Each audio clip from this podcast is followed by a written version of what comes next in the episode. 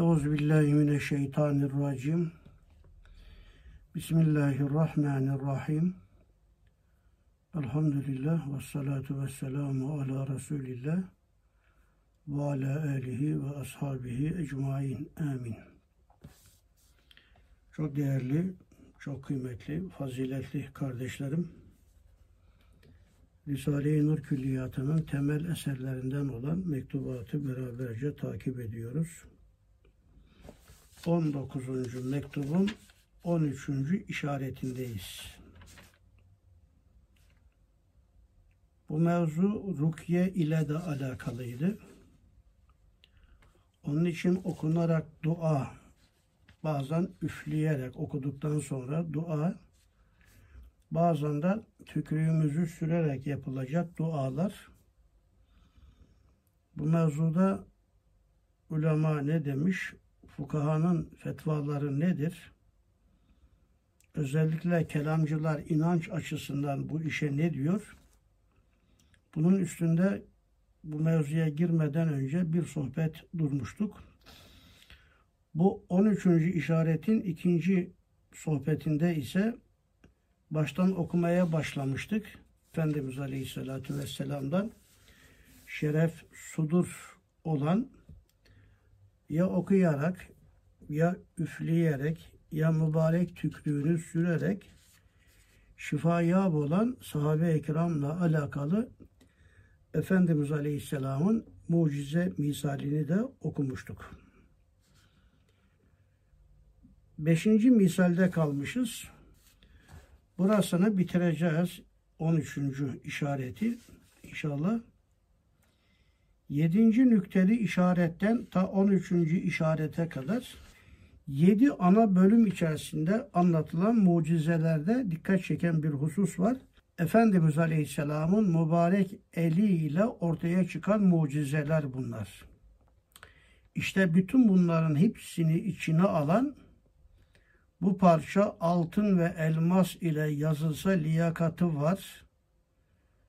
Efendimizin mübarek eliyle meydana gelen harikuladeliklere dikkat çeken, gerçekten yedisini de özetleyen, yedi nükteli işareti de özetleyen bir sayfa içerisinde müthiş bir şey bir yapıp asmak hatta bunu ezberlemek lazım.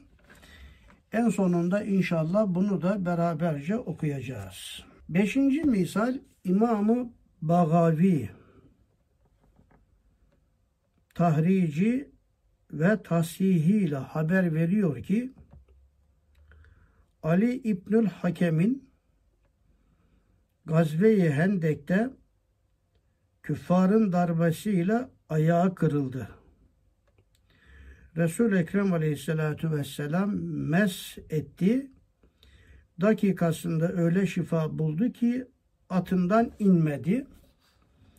İmam-ı Beyhaki Delail-i Nübüvesinde ve İbni Abdilber El-İstiab e, Nam sahabeyi anlattığı eserinde bu vakayı bize nakletmişler. Fakat Üstad Hazretleri burada İmam-ı Begavi Hazretlerinden bahsediyor. İmam-ı Begavi'nin tahrici ve tasihine Üstad da çok değer vermiş belli. Tavillerin hayatı hakkında kısa malumatlar sunuyordum. İmam-ı Begavi hakkında biraz malumat sunmak istiyorum. Ebu Muhammed Muhyi Sünne El Hüseyin bin Mesud bin Muhammed El Ferra El Begavi Hicri 516 senesinde vefat etmiş. Yani 5. asrın sonlarında 6. asrın hicri olarak başlarında yaşamış. Miladi olarak 1122 senesinde ruhunun ufkuna yürümüş. Muhaddis, müfessir ve aynı zamanda Şafii fıkhının da üstadlarından çok büyük bir zat bu da. Çocukluk ve gençlik yılları hakkında kaynaklarda çok fazla bilgi yok. Kendisinde Horasan'da Merver Rus yani bu Merv şehri aslında. Merv şehri şimdiki Türkmenistan'ın kuzeyinde herhalde bir yer fakire gitmek nasip oldu. Merv bir ilim şehridir. Ruslar ele geçirince adını değiştirmişler, Mari yapmışlar. İslam dünyasında iki tane büyük mektep vardır. Bir Küfe Mektebi, bir de Merv Mektebi. Küfe Mektebi kadar ün salmış ama aynı zamanda Küfe Mektebinden farklı olarak Merv şehri büyük idarecilerin yetişmesine sebebiyet vermiş. Sultan Sencer orada, Oğuz boyu oradan gelmiş. Aynı zamanda hem Kadiri hem Nakşilerin birleştiği ana nokta Yusuf el-Hamedani'nin kabri orada, orada yaşamış ve felsefenin merkezi olmuş. Aynı zamanda Mutezile'nin ana fikir babası olan İmam-ı Zemahşeri orada yaşamış. Keşşafı orada yazmış. Aynı zamanda da fıkhın da merkezi olmuş meşhur İmam-ı Serahsi El Mebsut Nam Hanefi fıkhının o dev eserini hem de Moğollar onları işgal, orasını işgal ettikleri zaman onu kör kuyuya atarak o zamanki hapis şekli ve İmam Serahsi kuyudan söylemiş, yukarıdaki talebeleri yazmış ve El Mebsut'u o şekilde meydana getirmiş. Hani insan hikmeti anlatır, vakaları anlatır da ama fıkhın her cümlesi bir kanundur. Yani bu ezberden böyle böyle hatırladım olmaz. Asırlardan beri de Osmanlı medreselerinde okutulan El Mebsut İmam-ı Serahsi'nin hep onun da merkezi İmam-ı Serahsi de Merv'de yaşamıştır. Yani Merv bir mekteptir, bir isimdir, bir markadır. Hatta Küfe'den bazı yönleriyle daha ileride işte İmam Begavi Hazretleri de o bölgede yaşayan Erv ile Herat arasında bulunan Buğuşar. Buğuşar bağ demek. Bağ kasabasına nispetle ona Begavi demiştir. Bağ köyünde veya Bağşurlu manasında ona İmamı Begavi demiştir. O devirde ün salmış olan lakabı Ferra Babası Kürkçülük yaptığı için Kürk yani soğuk ülke. O da Kürkçü olan babasının oğlu olması itibariyle Kürkçü manasında ona Ferra demişlerdir. Burada bir incelik aktarmak istiyorum ki eski ulema devletten maaş almamış. Halktan da ya ben ilimle meşgulüm bana biraz bakın işte filan da dememiş. Çokları İmam-ı Azam gibi hem kendisi ticaret yapmış, kazanmış, geçimini sağlamış, hatta başkalarına yardımcı olmuş. Hem maddeten vermiş hem de fikir ve ilim noktasıyla başkalarına vermişler, verici olmuşlar. İşte İmam-ı Begavi Hazretleri de bundan dolayı kendisine İbnül Ferra demiş. Kendisi de kürk satarak, alıp satarak hem de aynı zamanda geçimini temin etmiştir. 1067 yılı civarında ilim tahsili için Merver Rus denen yere giderek Şafii fakihi olan Kadı Hüseyin bin Muhammed El Merver Ruzi'den fıkıh hadis okumuş. Horasan illerini dolaşmış. Ebu Ömer Abdülvahid El Melihi, Ebul Hasan Ali El Cüveyni, Ebu Bekir Yakup Es-Sayrafi gibi hocalardan değişik sahalarda dersler almış. Daha sonra ikinci vatanı olan Merver Ruz'a yerleşmiş ve hocası Kadı Hüseyin bin Muhammed'in vefatından sonra makamına oturarak talebe yetiştirmiş, eser yazmış ve seçkin talebeler yetiştirmiş. Mesela talebelerinden Şerhü Sünne'nin ravisi Hafede diye tanınan Ebu Mansur Muhammed Et-Tari Ebul Fethi Muhammed el-Hamedani Ebul Mekarim Fazlullah en Nugani gibi zühte, takvada, sade giyimde önde olan kimseler, talebeleri kendisi de çok müttaki, çok zahit, sade giyimiyle namdar ve önceleri sadece ekmekle geçiniyormuş. zayıf düşmesi üzerine zeytini ekmekle beraber yemeye başlamış. Abdestsiz ders vermemiş gibi İmam-ı Begavi Hazretlerinin çok öne çıkan özellikleri vardır. İmam Begavi yaşayışında olduğu gibi ilmi anlayışında da Selefi Salihinin yolunu takip etmiştir. Kendisi ayrı bir kanal açmamış, eski büyük kanallarda gitmiş gelmiş, yayın yapmış, yani ders yapmış.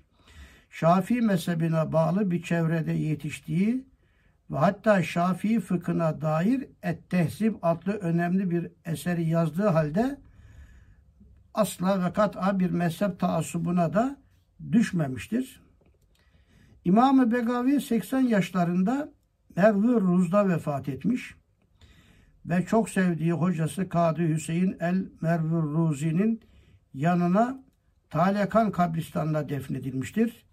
Begavi'nin fıkıh yönü Salah Abdülgani Eşşarra tarafından El İmamul Begavi ve Eşaruhu Vil Fıkh çalışmasıyla Riyad'da tefsirdeki yeri de Afaf Abdülgafur Hamid tarafından da El Begavi ve Menhecüt fit Tefsir adlı eseriyle ortaya konmuştur. Yani onun yaptığı çalışmaları daha sonrakiler kitaplaştırmışlar. Eserleri hakkında ayrıca anlatılan hususlar var. Bu zat hadiste imam. Şerhü sünnesi var hadiste. Meşabihü sünnesi var yine hadis ilminde. El cami beynel sahihayn olarak ayrı bir eseri var hadiste. El envar fi şemailin nebiyil muhtar Efendimizin şemailiyle alakalı ve bir de şerhu Cami Tirmizi diye ayrı bir eseri var. İmam-ı Tirmizi'nin kitabını şerh etmiş. Fıkıhta Et-Tesibi yazmış. Fetavası var. El Kifayesi var. Tercümetül Ahkamı var.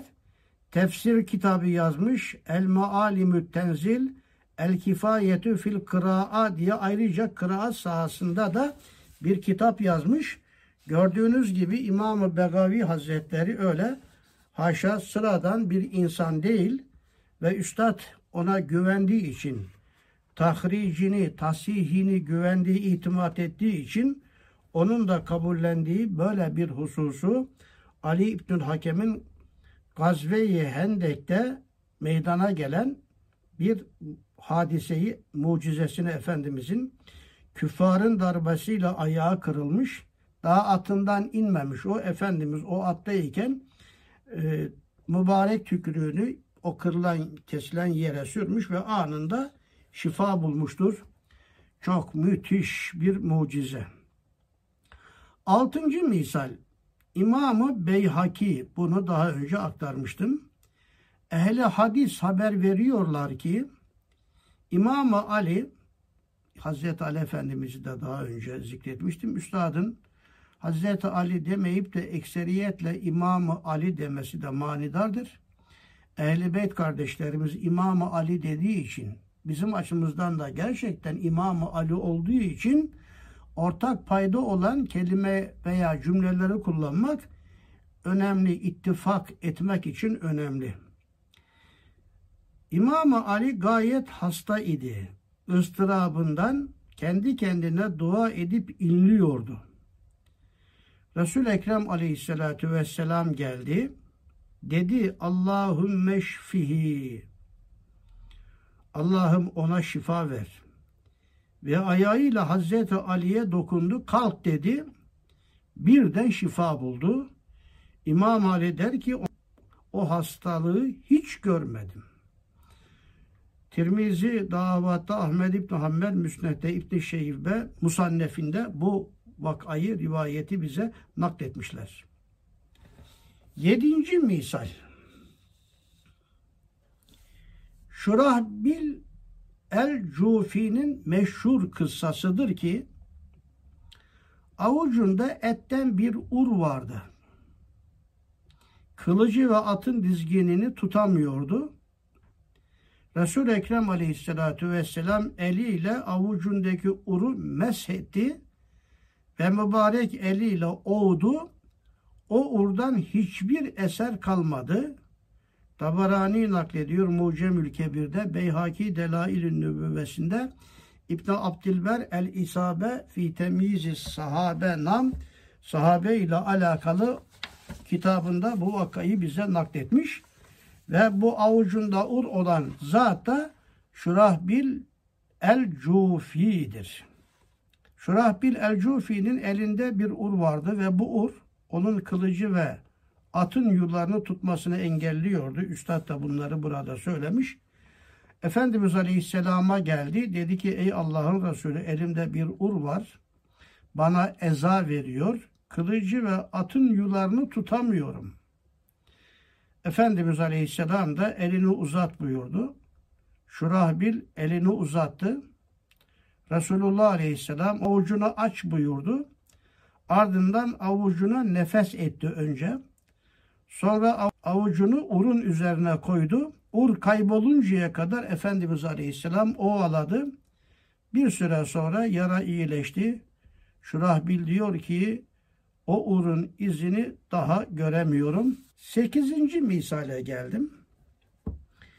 Değerli kardeşlerim bu sekizinci misalde çocuklarla alakalı, ayrı ayrı çocuklarla alakalı verdiği yedi tane, altı tane diyor ama yedi tane sonra yazıyor. Belki ikisini bir düşünmüş olduğu bir nokta da vardı. Altı çocuğun her biri ayrı ayrı birer mucize-i Ahmediye'ye mazhar oldu.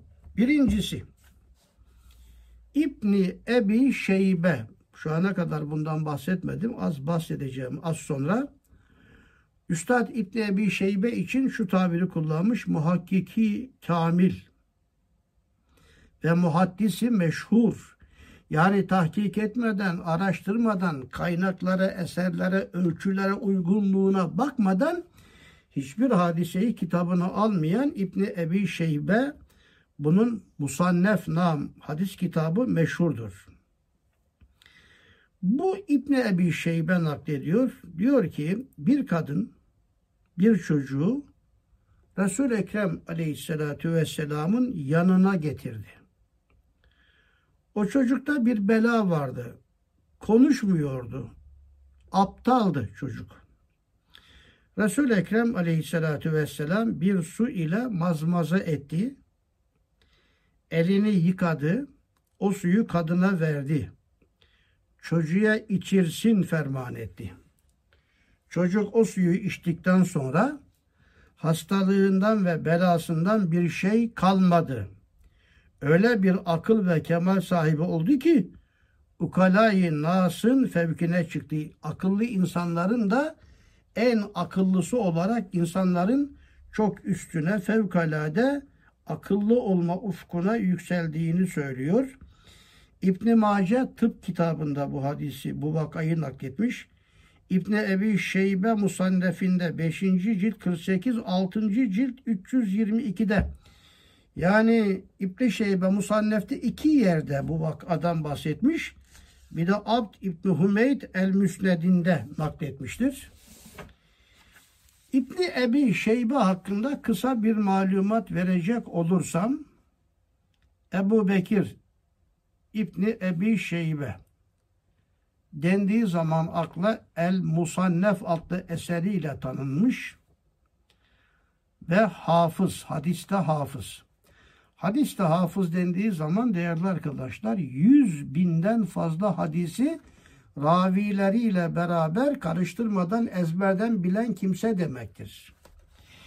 200 bin ve daha üstü bilirse ona da hadiste hakim deniyor.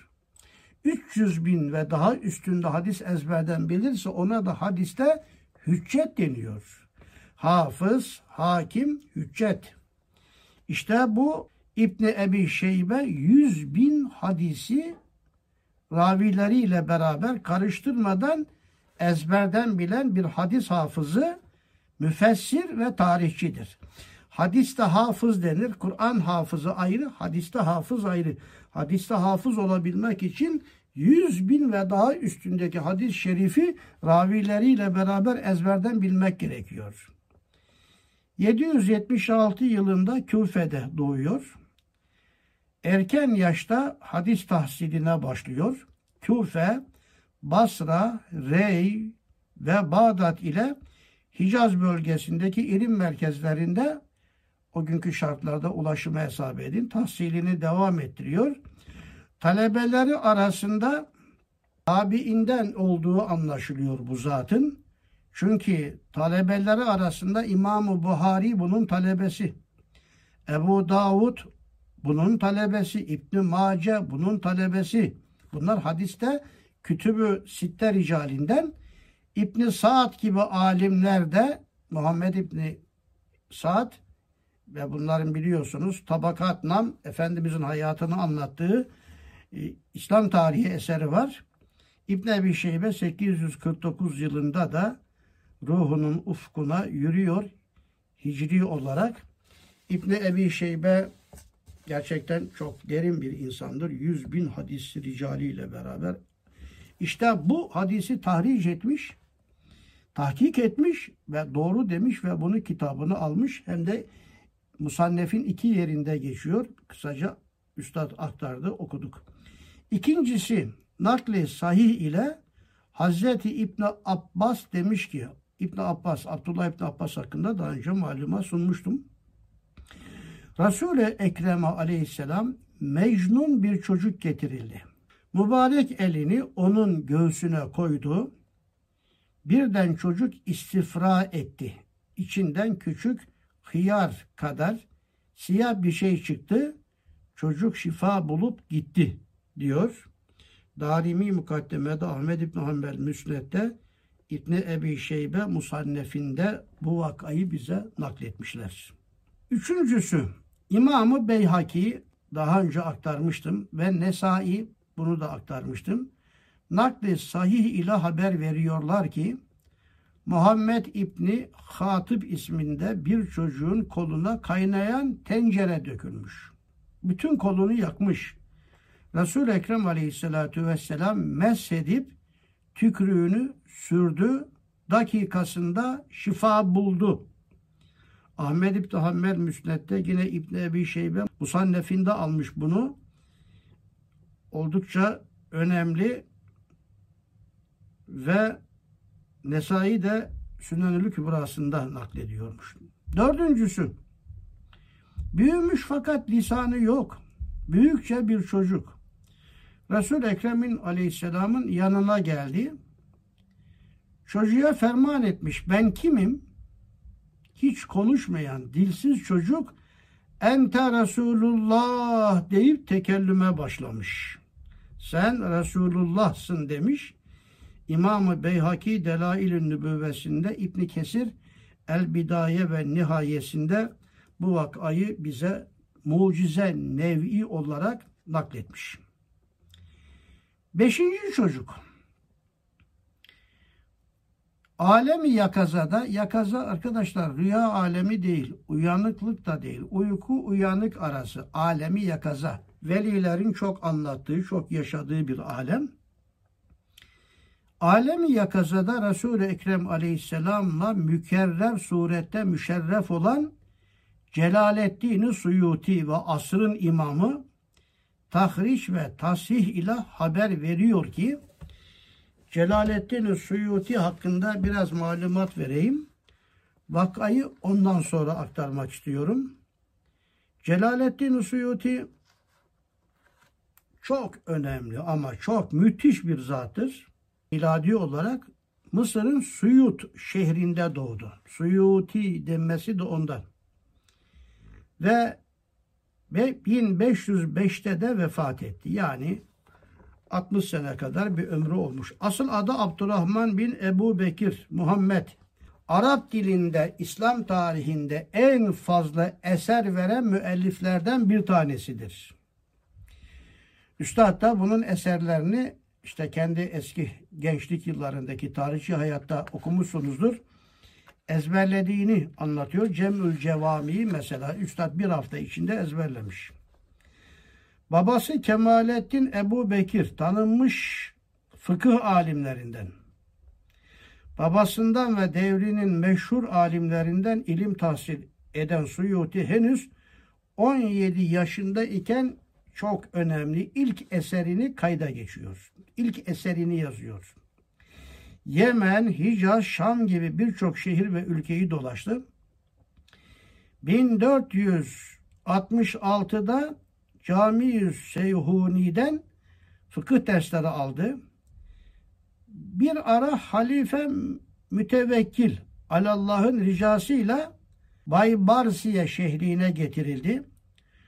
İmam Suyuti başta tefsir, hadis, fıkıh olmak üzere nahiv, Arapçanın nahiv ilmi, meani, belagat ilmi, bedi ve beyan. Yani bunlar Arapçanın belagatıyla alakalı eserler yazdı. Hadiste derin bir ilmi sebebiyle Şeyhül Hadis diye de anılıyor. Meşhur Celaleyn tefsiri vardır. Türkiye'de hocalar arasında meal seviyesinde bir tefsir. Celaleyn iki celal tarafından yazıldığı için o Celaleyn tefsirini yazanlardan bir tanesi bu Celaleddin Suyuti'dir. Cami-ü Sagir, Kitab-ı Dur, Tercümanül Kur'an fit tefsiril müsned, Mufhammatul Akran, Tarihül Hülafa gibi çok büyük eserleri var. Bu Celaleddin Suyuti 9. asrın müceddidiyim ben diyen bir insandır. Mücedditliğinde tam ittifak yok. Ama hiçbir müceddit ben müceddidim dememiş. Ve sadece ben müceddidim deyip o iddiada bulunan ve gerçekten de müceddit olabilir. Ben müceddidim diyen bir zattır Celaleddin Suyuti. Kendini böyle öne çıkardığı için, doğruyu söylediği için kendi devrindeki bir kısım ulema tarafından hücuma maruz kalmış. Fikri, tenkit vesaire ve üzüntüsünden 9 sene hayatının 9 senesini evinden çıkmamış. Gözleri ama olmuş. Ama olarak da olsa ilim tetabbuatı ile meşgul olan dev bir insandır Celaleddin Suyuti.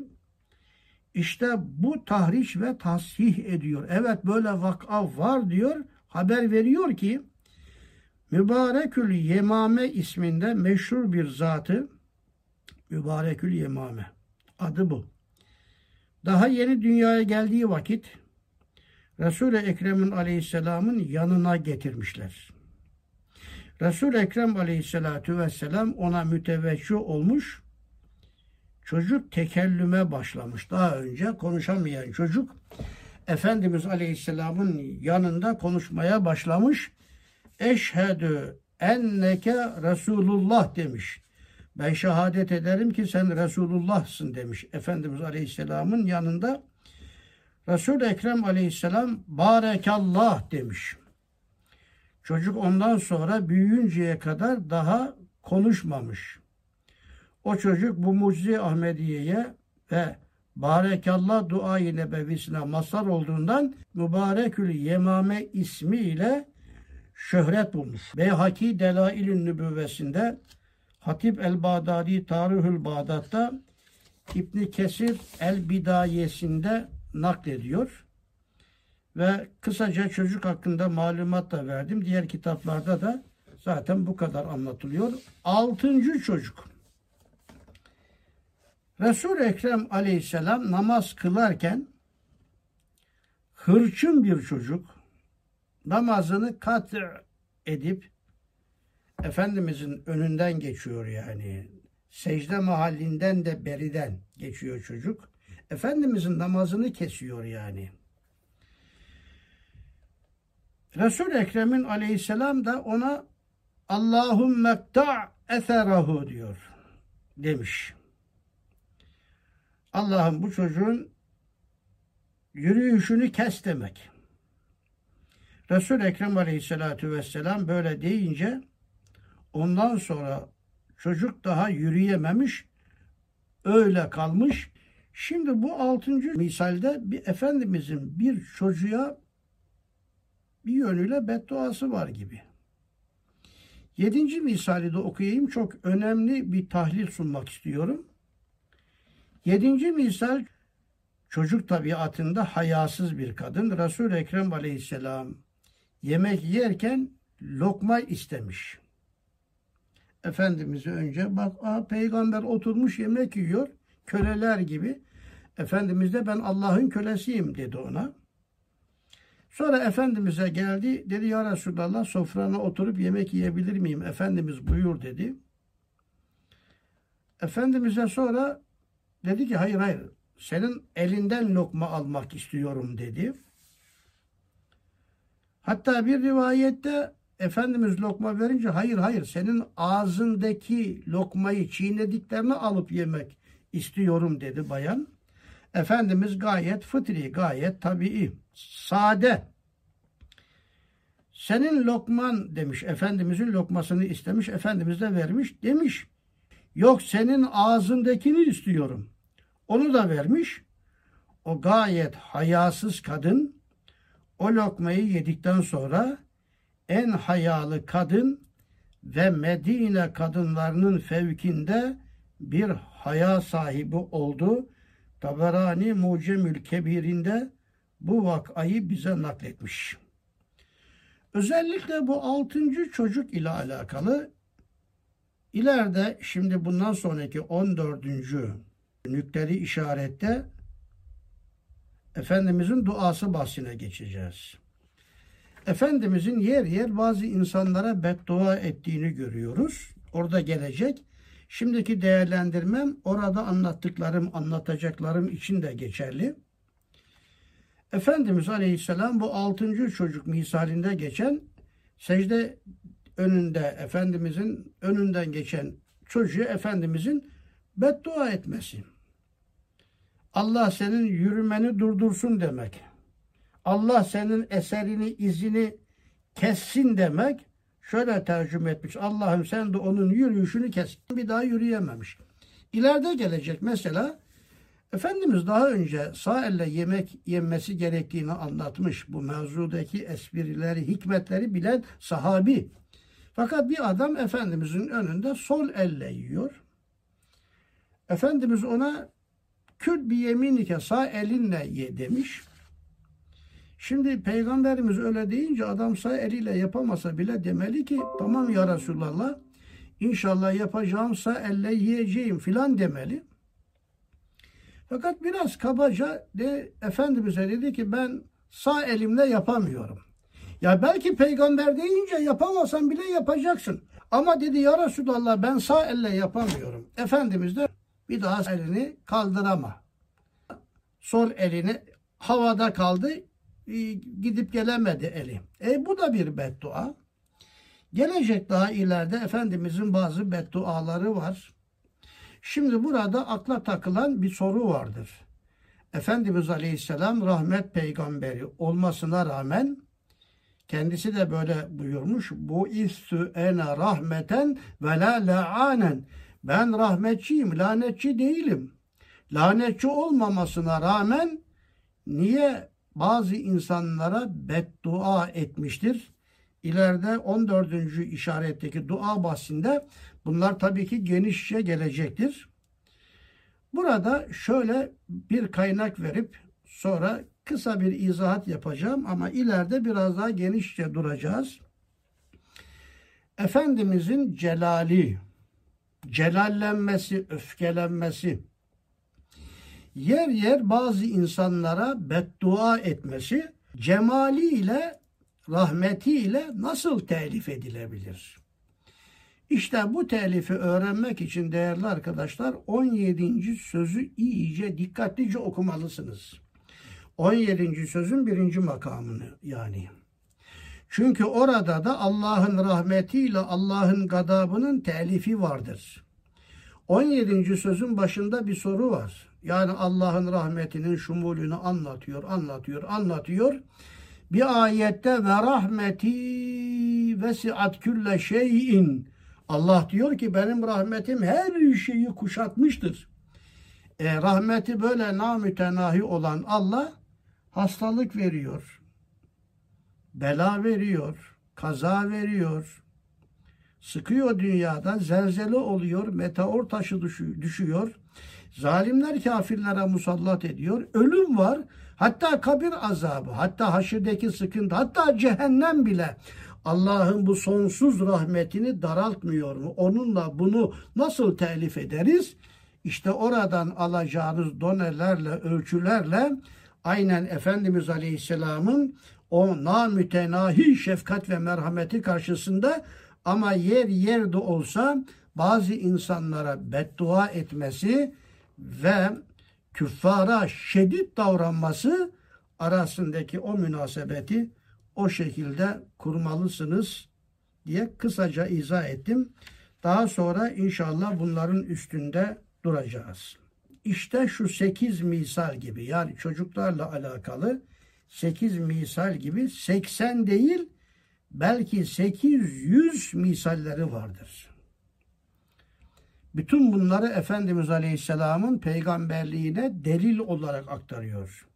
Peygamber olmasa bunları yapamazdı yani. O Allah'ın gönderdiği şanı yüce, şekni, şerefi çok yüce, yücelerden yüce bir peygamberidir.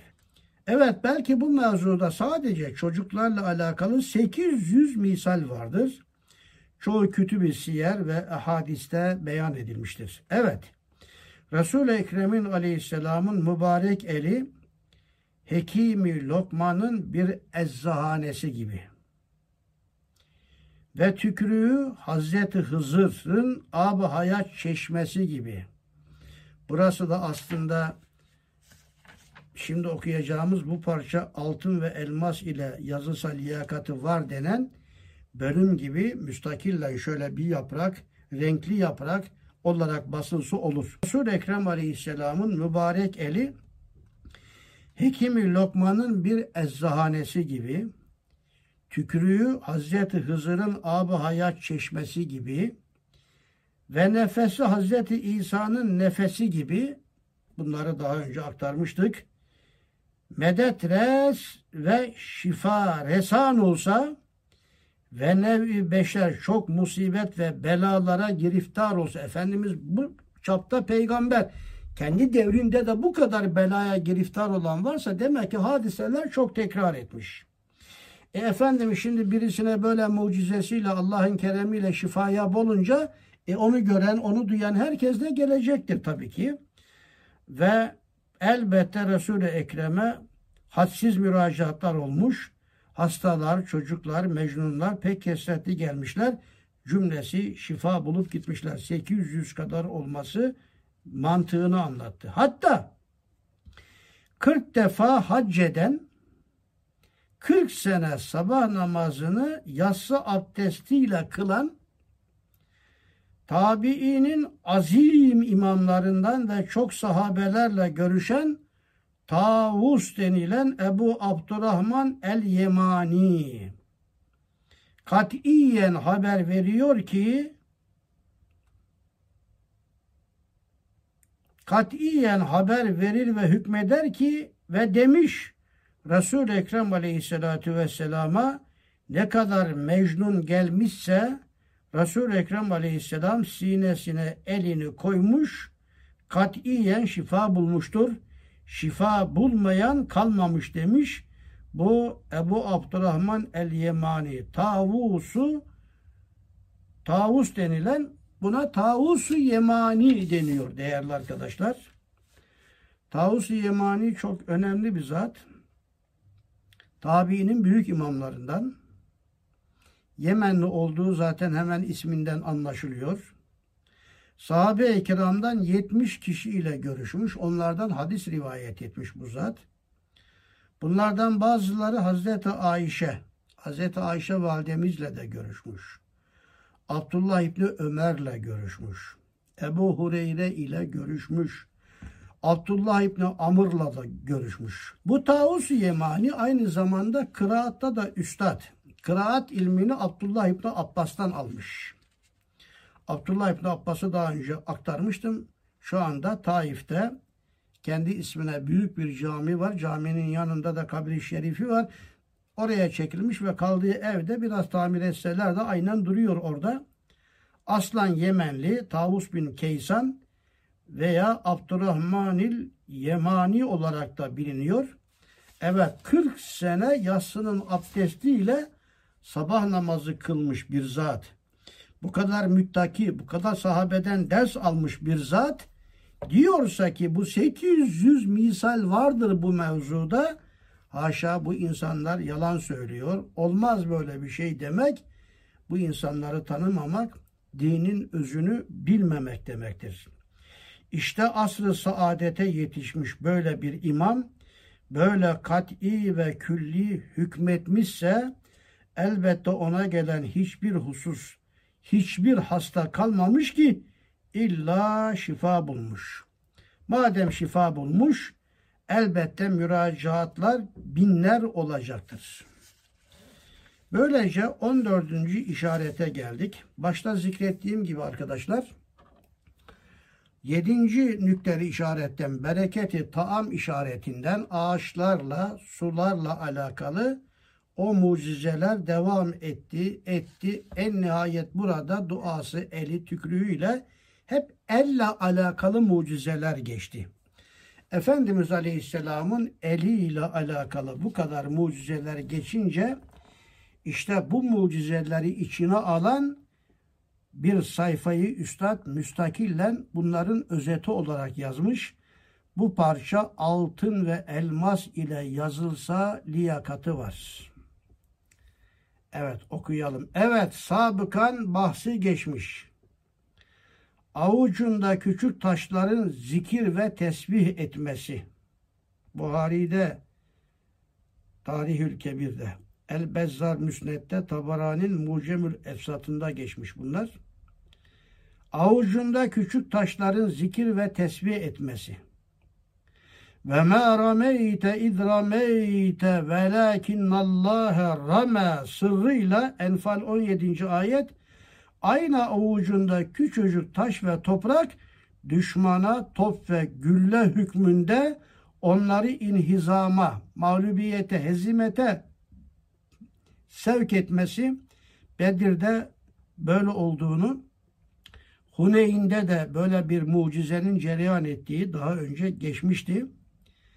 Ve şakkal kamer nassı ile aynı elin parmağı ile aynı avucunun parmağı ile kameri iki parça etmesi ve aynı el çeşme gibi on parmağından suyun akması ve bir orduya içirmesi ve aynı el hastalara ve yaralılara şifa olması. Bir elin maharetlerine bakınız. Elbette o mübarek el ne kadar harika bir mucize kudreti ilahi olduğunu gösterir. Güya ahbab içinde o elin avucu küçük bir zikirhaneyi sübhanidir ki küçücük taşlar dahi içine girse zikir ve tesbih ederler. Düşmanlara karşı nasıl ve adaya karşı küçücük bir cephaneyi Rabbani'dir ki içine taş ve toprak girse gülle ve bomba olurlar. Ve yaralılar ve hastalara karşı küçücük bir eczahane-i rahmanidir ki hangi derde temas etse derman olur. Ve celal ile kalktığı vakit kameri parçalayıp kabı kavseyn şeklini verir. İki kavis ve cemal ile döndüğü vakit abı kevser akıtan o musluklu bir çeşmeyi rahmani hükmüne geçer. Acaba böyle bir zatın bir tek eli böyle acip mucizata mazhar ve medar olsa o zatın Halik-i kainat yanında ne kadar makbul olduğu ve davasında ne kadar sadık bulunduğu ve önemli olan şu. Ve o el ile biat edenler, o ele el verenler ne kadar bahtiyar olacakları bedahet derecesinde anlaşılmaz mı diyerek 7. işaretten 13 13. işaret dahil yani 7 nükteli işarette geçen Efendimiz Aleyhisselam'ın mübarek eliyle ortaya çıkan mucizelerle alakalı bir özet. Müthiş bir özet. Sonunda da işte böyle bir zate el uzatmak, el vermek kabirde, haşirde, ahirette bizi mahcup etmeyecek, şefaat edecektir. Hatta dünyada bile elimizi ona versek ahdü peymanımızda, misakımızda, biatımızda ona karşı prensipleri yaşamada sağlam olsak o ruhaniyatıyla da içimizde arz-ı endam ederek öldü isek dirilmemize, söndü isek, his ve heyecanlarımızı kaybetti isek yeniden şahlanmamıza, canlanmamıza lütfu keremi ilahi ile sebebiyet verecektir diyerek mevzuyu bu şekilde tamamlamış olduk.